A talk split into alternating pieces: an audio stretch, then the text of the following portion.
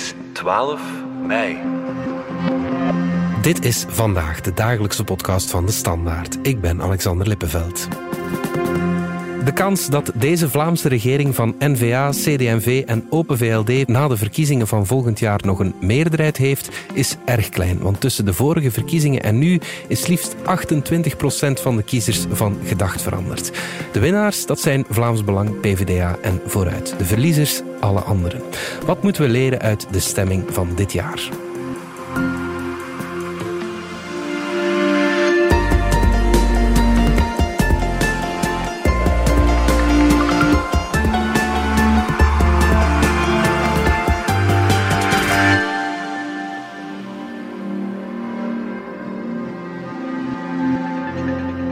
Politicoloog Stefan Walgraven van de Universiteit Antwerpen. Zoals elk jaar voer jij samen met je collega Jonas Lefevre van de VUB de stemming uit in samenwerking met de Standaard en VRT. De resultaten van de peiling tonen ja, toch duidelijke significante verschillen uh, met de verkiezingen van 2019. Hè?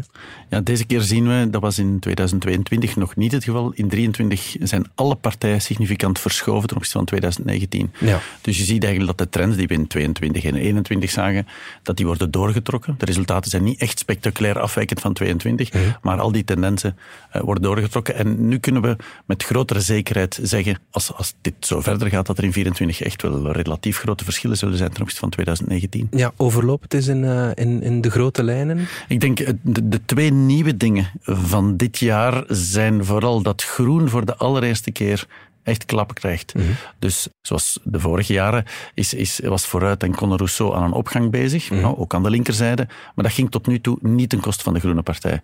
Dat is nu wel het geval.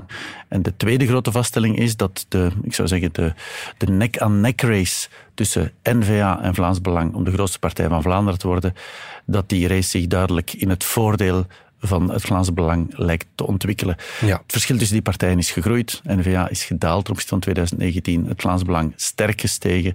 En dat schijnt zich nu door te trekken. En in 2022 zaten ze nog nek aan nek. In 2023 is dat niet langer het geval. Ja, maar het electoraat in zijn geheel is niet rechtser geworden. Hè. Ze... Vlaams Belang knibbelt vooral van uh, N-VA. Het is zo dat die twee partijen echt volledig in elkaars vijver zitten. Mm -hmm. Dus lang geleden, toen het Vlaams Belang naar beneden ging, kwamen heel veel van die kiezers van de N-VA, die dan de grootste partij van Vlaanderen werd, van ja. het Vlaams Belang. Mm. En dat zie je, je ziet nu eigenlijk de, de omgekeerde beweging. Samen zijn ze nog altijd heel sterk, maar als je kijkt naar de, de verschuivingen hebben aan de kiezers in 23 gevraagd waar ze in 2019 op gestemd hebben, waar ze vandaan komen. De verschuivingen tussen die twee partijen, de uitwisselingen tussen die twee partijen zijn indrukwekkend.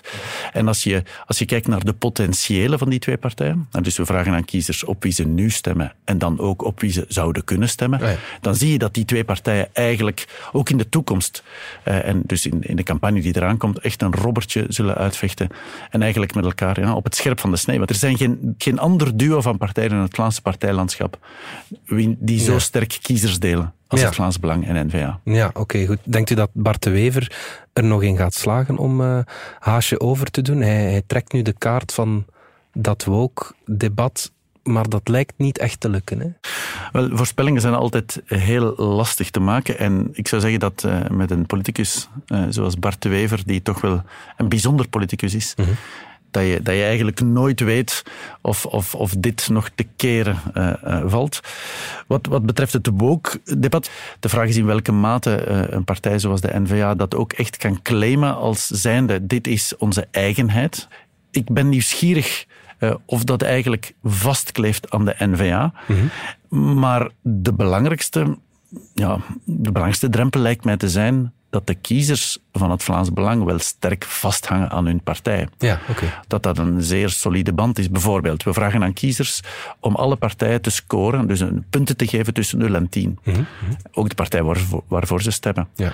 Uh, de Vlaams Belangkiezers geven aan hun partij een veel hogere score dan gelijk welke andere kiezer aan zijn partij een score geeft. Dus die okay. Vlaams Belangkiezers die zijn zeker van hun stem. Ja. Zij zien hun partij graag. Ja. Een tweede manier om het te bekijken is uh, na te gaan wat het verschil is tussen de partij waarvoor je stemt te scoren uh, van 0 tot 10 en dat dan te vergelijken met de eerstvolgende partij. Mm -hmm. En ook hier zie je dat Vlaams Belangkiezers de tweede partij op een veel grotere afstand zetten ja. dan dat de andere kiezers een tweede partij op afstand zetten. Dus dat zijn allemaal indicatoren van het feit dat die Vlaams Belangkiezers, ondanks het feit dat die in het potentieel van NVA zitten, dat de kans toch relatief klein lijkt dat er terug een massale volksverhuizing zou plaatsvinden tussen nu en een jaar of iets meer dan een jaar. Eh, als je kijkt naar het ongenoegen, als je kijkt waar die stem voor radicale partijen ook aan de linkerzijde op gebaseerd is, dan lijkt het mij toch weinig waarschijnlijk dat een partij zoals de N-VA dat op korte termijn zal kunnen keren. Ja, ja inderdaad. Uh, over dat ongenoegen hebben we het inderdaad straks nog. Maar migratie als thema, dat is natuurlijk ook een thema waar Vlaams Belang ja, de owner is. Uh, Ongetwijfeld, zeg maar. ja. Dat is helemaal terug. Hè? Het lijkt erop alsof migratie, als er geen grote evenementen gebeuren, geen grote accidenten plaatsvinden, dat migratie eigenlijk latent het belangrijkste thema is waar de Vlamingen zich het meest zorgen over maken. In de eerste twee edities van de stemming hadden we natuurlijk corona, volksgezondheid en daar, dat was het belangrijkste thema. Dan vorig jaar hadden we de Oekraïne-crisis, dus internationale veiligheid en ook de stijgende energieprijzen. En nu dat dat een beetje terug wegdeemstert, de bezorgdheid bijvoorbeeld over Oekraïne. Mm -hmm. nu, nu zie je dat eigenlijk sluipenderwijs migratie terug een van de allerbelangrijkste thema's wordt. Ja. Het, het, het, lijkt te zijn alsof Vlamingen daar structureel op de lange termijn zich het meest zorgen over maken. Vroeger was dat een thema zoals werkloosheid. Ja, ja. Er werd altijd gezegd in dat soort politicologisch onderzoek dat werkloosheid eigenlijk een soort, soort default standaard antwoord was van mensen. Mhm. Mm -hmm. Als hen gevraagd wordt wat is het belangrijkste probleem, dat lijkt bij ons in Vlaanderen op dit moment migratie te zijn. Wat uiteraard uitstekend nieuws is voor een partij zoals het Vlaams Belang, die Ja, dat thema, ja, die daar duidelijk een claim over heeft en, en torenhoog boven de andere partijen uitsteekt als gevraagd wordt welke partij is daar het meest mee bezig. Dan zeggen heel veel Vlamingen, ook niet-stemmers voor het Vlaams Belang, dat dat inderdaad die partij is. Los van de populariteit van Vlaams Belang, Bart de Wever blijft wel de populairste politicus van Vlaanderen. Ja, en, en hij is dat al heel lang. Het, Ja, ja, de, ik zou zeggen, de staying power van Bart Wever aan de, aan de, aan de top van de populariteitsrankings is, is wel eh, indrukwekkend. De, ze zijn, de strategie van de N-VA en bij monden van Bart Wever is buiten het wookdebat een, een tweede front, dat er al eigenlijk al langer is, is, ik zou zeggen, virulente oppositie tegen de federale regering. Ja. En dus de, de, de woorden die Bart de Wever gebruikt om de federale regering en het beleid ervan aan de kaak te stellen, zijn voor een traditionele partij, als je de NVA zo kan noemen, wel, wat mij betreft, redelijk uitzonderlijk. Ja. Dus het, het land gaat de dieperik in. Hè. In wat voor uh, derde wereldtoestanden belanden we niet als we, als we deze piste vergezetten. Dus die heel negatieve manier om de federale regering aan te pakken, kan natuurlijk ook ja, hoeft niet per definitie te leiden tot, tot steun voor de NVA. Dus de, de, er is heel veel literatuur over negative campaigning, zoals we dat noemen. En dan blijkt heel dikwijls dat in een meerpartijensysteem het, het de gevaarlijke strategie is om dat eigenlijk kritiek geven op je tegenstander die tegenstander wel naar beneden kan halen, maar dat eigenlijk dat leidt tot stemmen voor de, voor, niet voor je tegenstander, maar voor eigenlijk medestanders aan dezelfde kant van het politieke spectrum. Ja, ja, ja, en in een tweepartijsysteem is dat helemaal anders. Als je kritiek geeft op de tegenstander, dan is het automatisch, hmm. ben jij de winnaar. En dus ik vraag me af of de manier waarop de NVA op dit moment de federale regering aanpakt, ook niet koren op de molen is van, de, van het Vlaams Belang, die nog een straffere oppositiepartij zijn, wat Ja. dat betreft, Ja. eh, de- dan N-VA. En bovendien kan er in hoofden van heel wat mensen nogal wat verwarring zijn, Mhm. omdat je v- Vlaams wel aan de macht deelneemt, zelfs het, het uithangbord bent van de, van de Vlaamse regering, terwijl dat federaal niet het geval is. En, de- en die spreidstand blijft toch wel moeilijk, denk ik. Ja, inderdaad. Ja. Ehm, vorig jaar, na de vorige peiling, concentreerden we ons vooral op CD&V. Die zakten toen onder de 10%. Intussen is er een nieuwe voorzitter, eh Sami Medi, die zichzelf en zijn partij veel sterker profileert. Denk maar aan de hele stikstofdiscussie. Het is in de nasleep daarvan dat jullie de stemming hebben gevoerd. Werpt het zijn vruchten af? Wel, de neergang van de CD&V die we de voorbije de stemmingen zagen, die lijkt gestopt te zijn. Oké. Maar dat, is, dat verschil is niet significant. Dus het is niet zo dat er een opvering is. We zien eigenlijk dat de trend die we zagen, dat die gestopt is. Maar dat kan evengoed aan, aan de steekproef liggen. Dus dat zit allemaal binnen die eh, zogenaamde betrouwbaarheidsintervallen. Dus eigenlijk kunnen we daar niks over zeggen. Het is alleen, het lijkt er in ieder geval zo dat het optreden van Medi geen schade heeft toegebracht aan zijn partij. Maar of de stikstofprofilering nu een verschil heeft gemaakt, daar durf ik toch wel ten zeerste aan twijfelen. Als je vraagt aan mensen in welke mate stikstof een thema is dat ze belangrijk vinden, expliciet over stikstof, zeggen de meeste mensen, boah, Het is niet zo belangrijk. Als je aan de kiezers in het algemeen vraagt, eh, was de blokkade de, de crisis in de Vlaamse regering, was dat de moeite? Zeggen de meeste mensen, was helemaal niet de moeite. En als je dan vraagt, en wie is er dan schuldig voor die blokkade? Dan blijkt bij de meeste kiezers, die zeggen dat CD&V de schuldige was van de blokkade over een thema dat ze eigenlijk niet belangrijk vinden. En ook niet in landelijke gebieden, want ze profileren zich nu ook als de partij ja, die ook aan mensen in een dorpje denken, Ja. zo gezegd. Hè? Ja. En landelijkheid of stedelijkheid maakt helemaal geen verschil. Dus het lijkt ook wat stikstof betreft. De- Degenen die het meest wakker liggen van stikstof zijn de stedelingen. Maar het verschil is niet significant. Bovendien, zijn, als, als je kijkt wie er wakker ligt van stikstof, dat zijn niet de electoraten van CD&V en N-VA. Degene die er het meest van wakker liggen, is het groen electoraat. Ja. Dus dat wil zeggen dat eigenlijk die partijen besloten hebben om een robbertje te vechten over een thema dat hun electoraat eigenlijk minder aangaat. Ja. En dus, ehm, om het terug wat open te trekken, heel de boer-burgerbeweging, Ja. een soort stadsplattelands tegenstelling, een nieuwe breuklijn. Wij zien daar helemaal niets van in Vlaanderen. Komt Nee. dat omdat Vlaanderen helemaal verstedelijkt is? We hebben er geen idee van. Maar in ieder geval, dat lijkt mij alvast niet de juiste profilering van een partij te zijn. Om te zeggen van, kijk, wij zijn hier de plattelandspartij. Het, het, het- om eerlijk te zijn, het aantal mensen dat professioneel actief is in de landbouwsector is ook heel, Heel beperkt, klein. hè. Dus ja. puur de, ik zou zeggen, de voting power van die economische sector is relatief klein. Hmm, ja.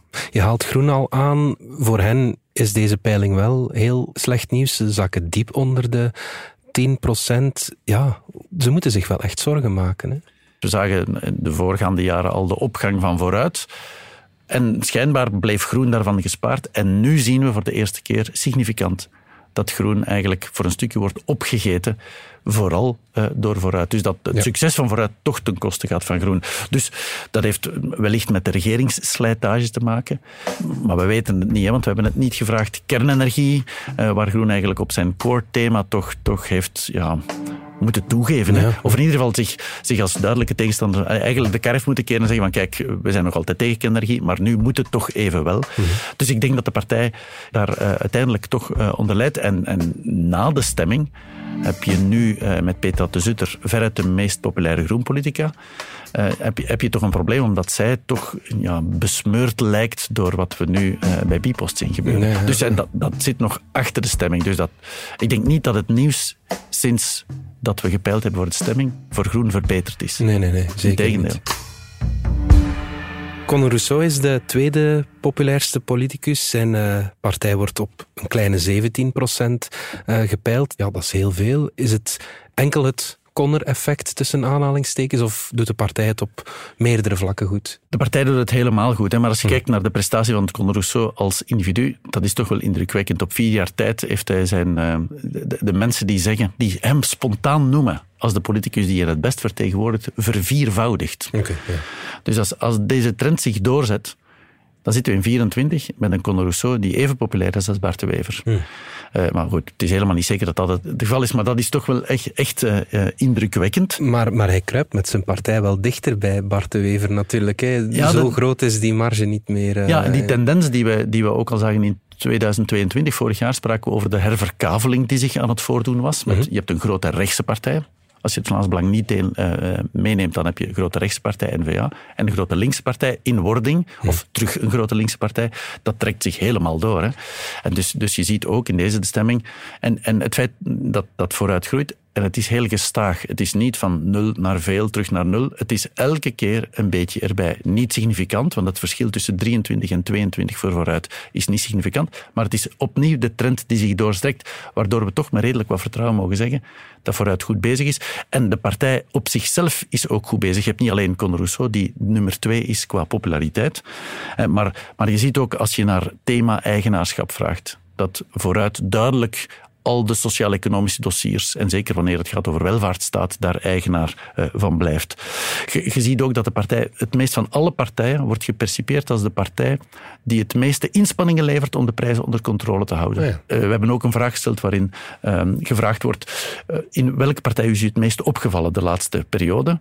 Vooruit komt niet veel in het nieuws, of toch niet erg veel, en dus is ook niet sterk opgevallen. Maar als ze opvalt, dan is het positief. De partij die op dit moment, of de voorbije periode, het meest was opgevallen, was de CD&V. Maar de, de, de, de meerderheid van die opvallende verschijningen waren negatief volgens de respondent. Dat is bij vooruit niet het geval. Dus er zijn een heel pak indicatoren dat het niet louter een Conor Rousseau-fenomeen is, maar dat er ook een echte ja, dat, dat, dat vooruit echt wel op een, op een positieve onderstroom zit. Ja, die ja. natuurlijk gesymboliseerd wordt door, door Rousseau. En in de vorige bestemmingen ook iemand, door iemand zoals Frank van den Broeke. Ja. Dat idee van, van competentie, Mhm. eh, wat dat Frank van den Broeke toch uitstraalt, dat, ik, ik denk dat dat ook in zekere mate aan de partij blijft kleven. Ja, ja, een tweede groeiende kracht op links is eh, PvdA, extreem links. Ja, ook zij, ja, daar komt de 10% ook in, in het zicht, maar dan voor hen in de positieve zin. Hè? Stapje voor stapje. Ja, ja. Dus een beetje hetzelfde verhaal als vooruit. Hè. Bij elke eh, versie van de stemming gaan ze een beetje vooruit. En de 10% komt in zicht.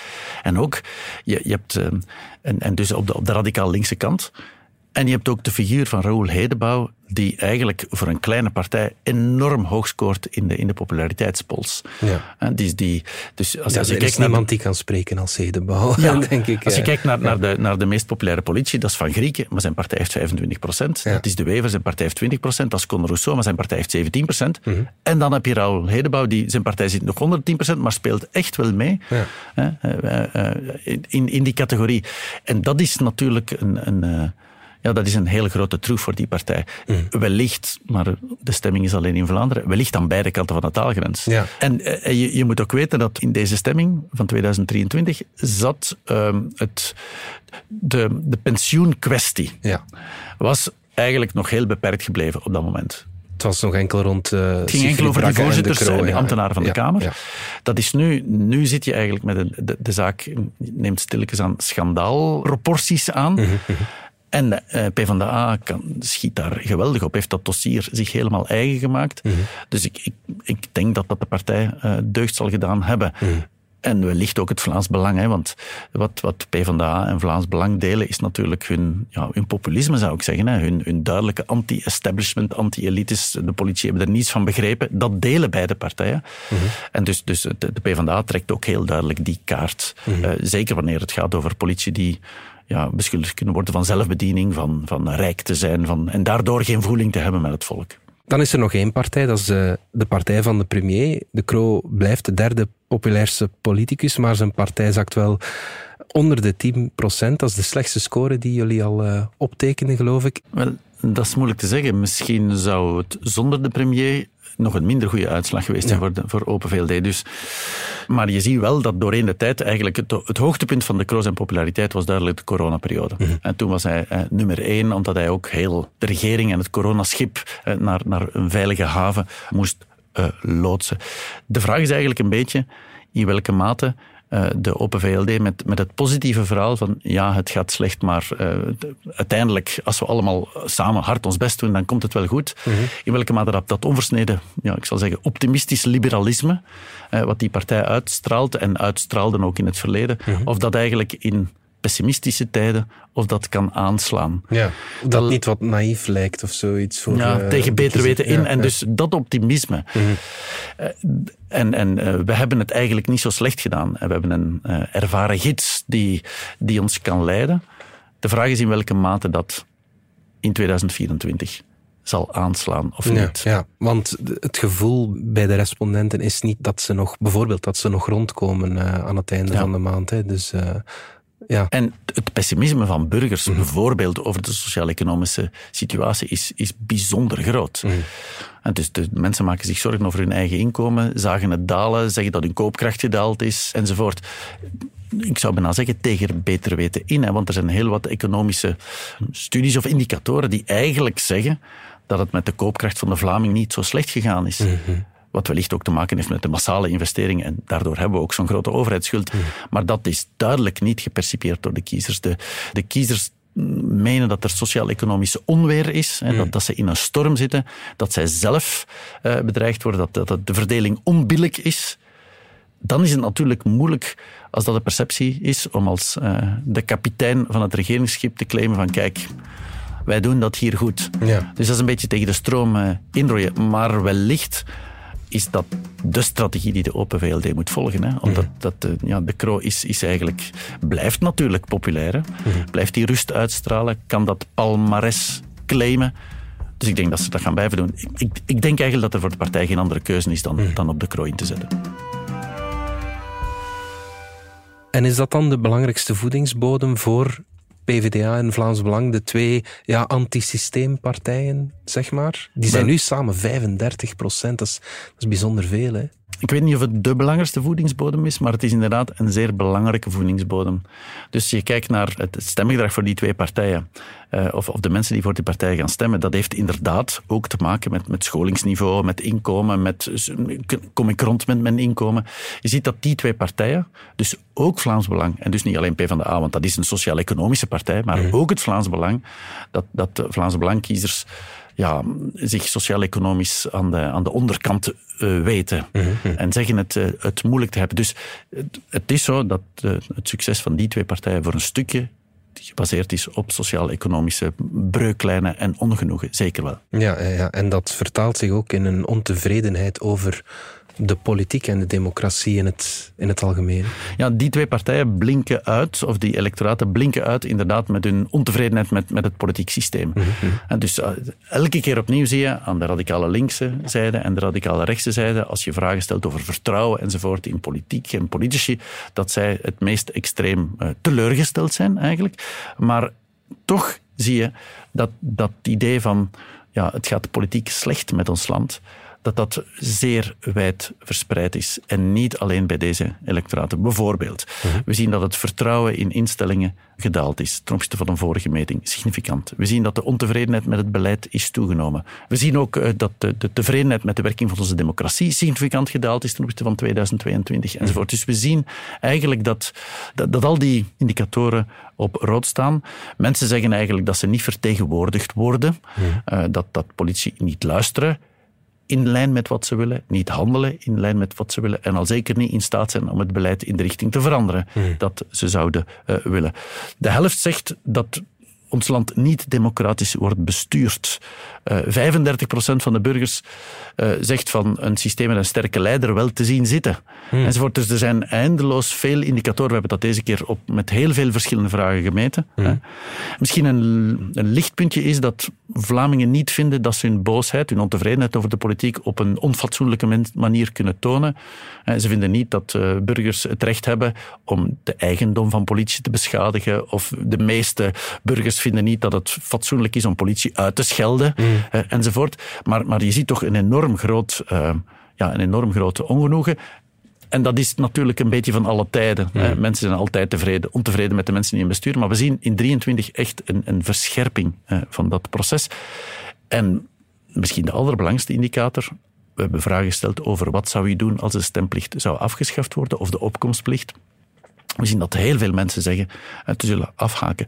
50 tot 60 procent van de mensen zegt dat ze niet meer altijd zullen stemmen.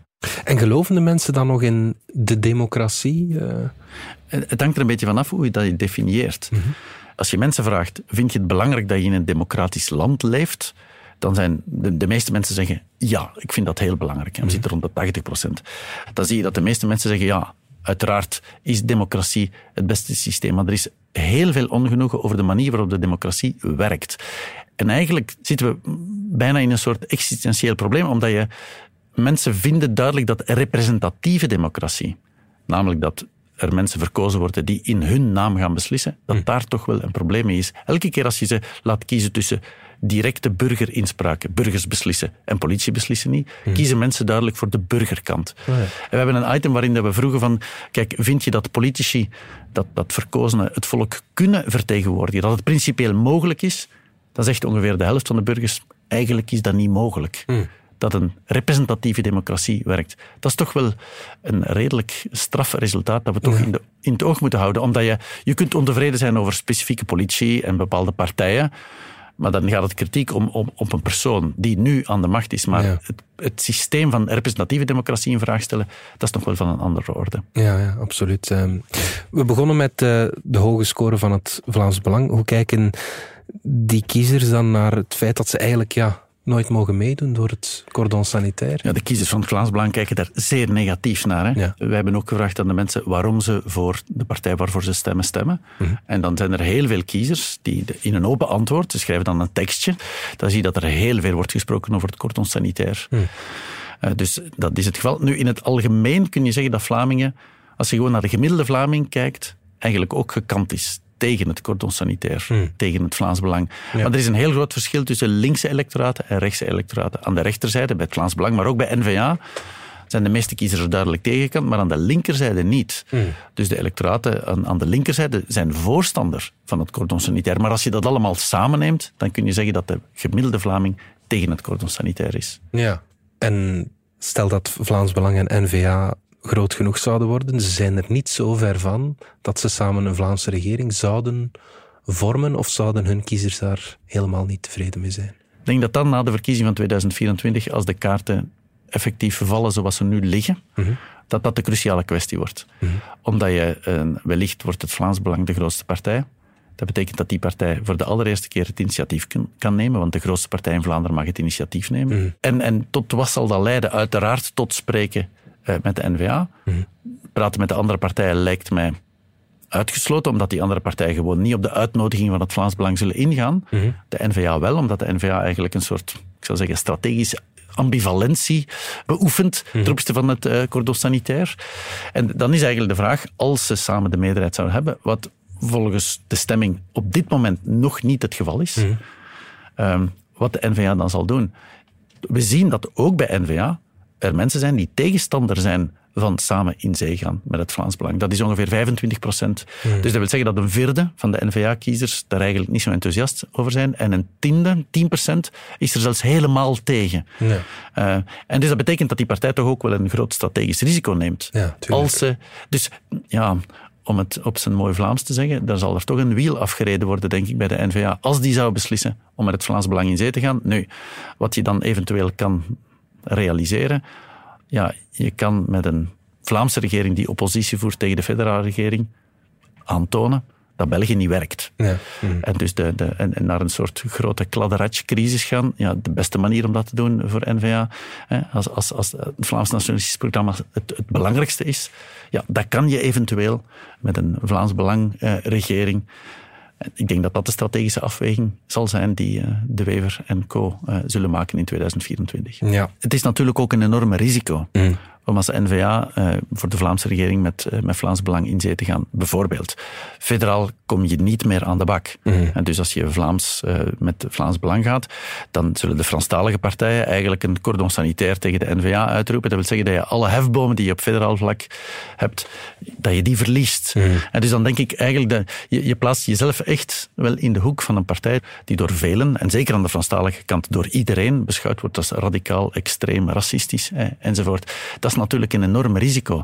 Op korte termijn zijn er misschien voordelen, maar op lange termijn zijn er nadelen. Bovendien, we spreken over 25% van de kiezers van de NVA die er tegen kant zijn.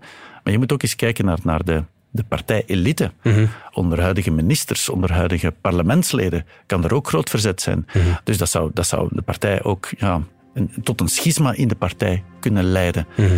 Dus in, in die zin, ja, er is zo, het, het is een enorme gok. Mhm. En als je het mij vraagt, in een glazen bol kijkende, ik denk niet dat ze dat risico zullen nemen als de mogelijkheid er zou zijn. Want hmm. uit de stemming 2023 blijkt, dat de mogelijkheid er nog niet is. Ja, oké. Goed, nog een, uh, ja, een goede 365 keer slapen en zijn verkiezingen, zeg maar. We tellen af. Stefan Walgraven, dankjewel. Dit was vandaag de dagelijkse podcast van de Standaard. Bedankt voor het luisteren. Volg ons op Spotify, Apple Podcast of eender welk ander podcastplatform. In onze gratis FDS podcast kan je niet alleen ons werk beluisteren, maar ook de beste podcasttips terugvinden. Alle credits van de podcast die je net hoorde vind je op standaard.be-podcast. Reageren kan via podcast.standaard.be.